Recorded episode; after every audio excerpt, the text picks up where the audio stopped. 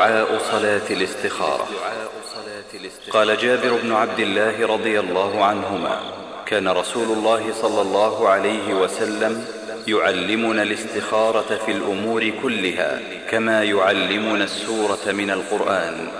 يقول إذا هم أحدكم بالأمر فليركع ركعتين من غير الفريضة ثم ليقل اللهم إني أستخيرك بعلمك وأستقدرك بقدرتك وأسألك من فضلك العظيم. فإنك تقدر ولا أقدر وتعلم ولا أعلم وأنت علام الغيوب.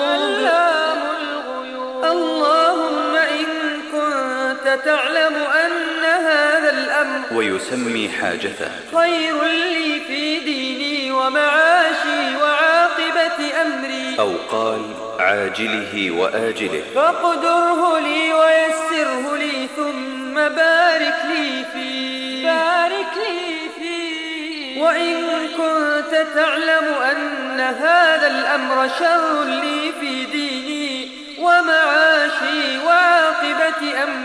أو قال عاجله وآجله. فاصرفه عني واصرفني عنه واقدر لي الخير حيث كان ثم ارضني به. وما ندم من استخار الخالق وشاور المخلوقين المؤمنين وتثبت في أمره.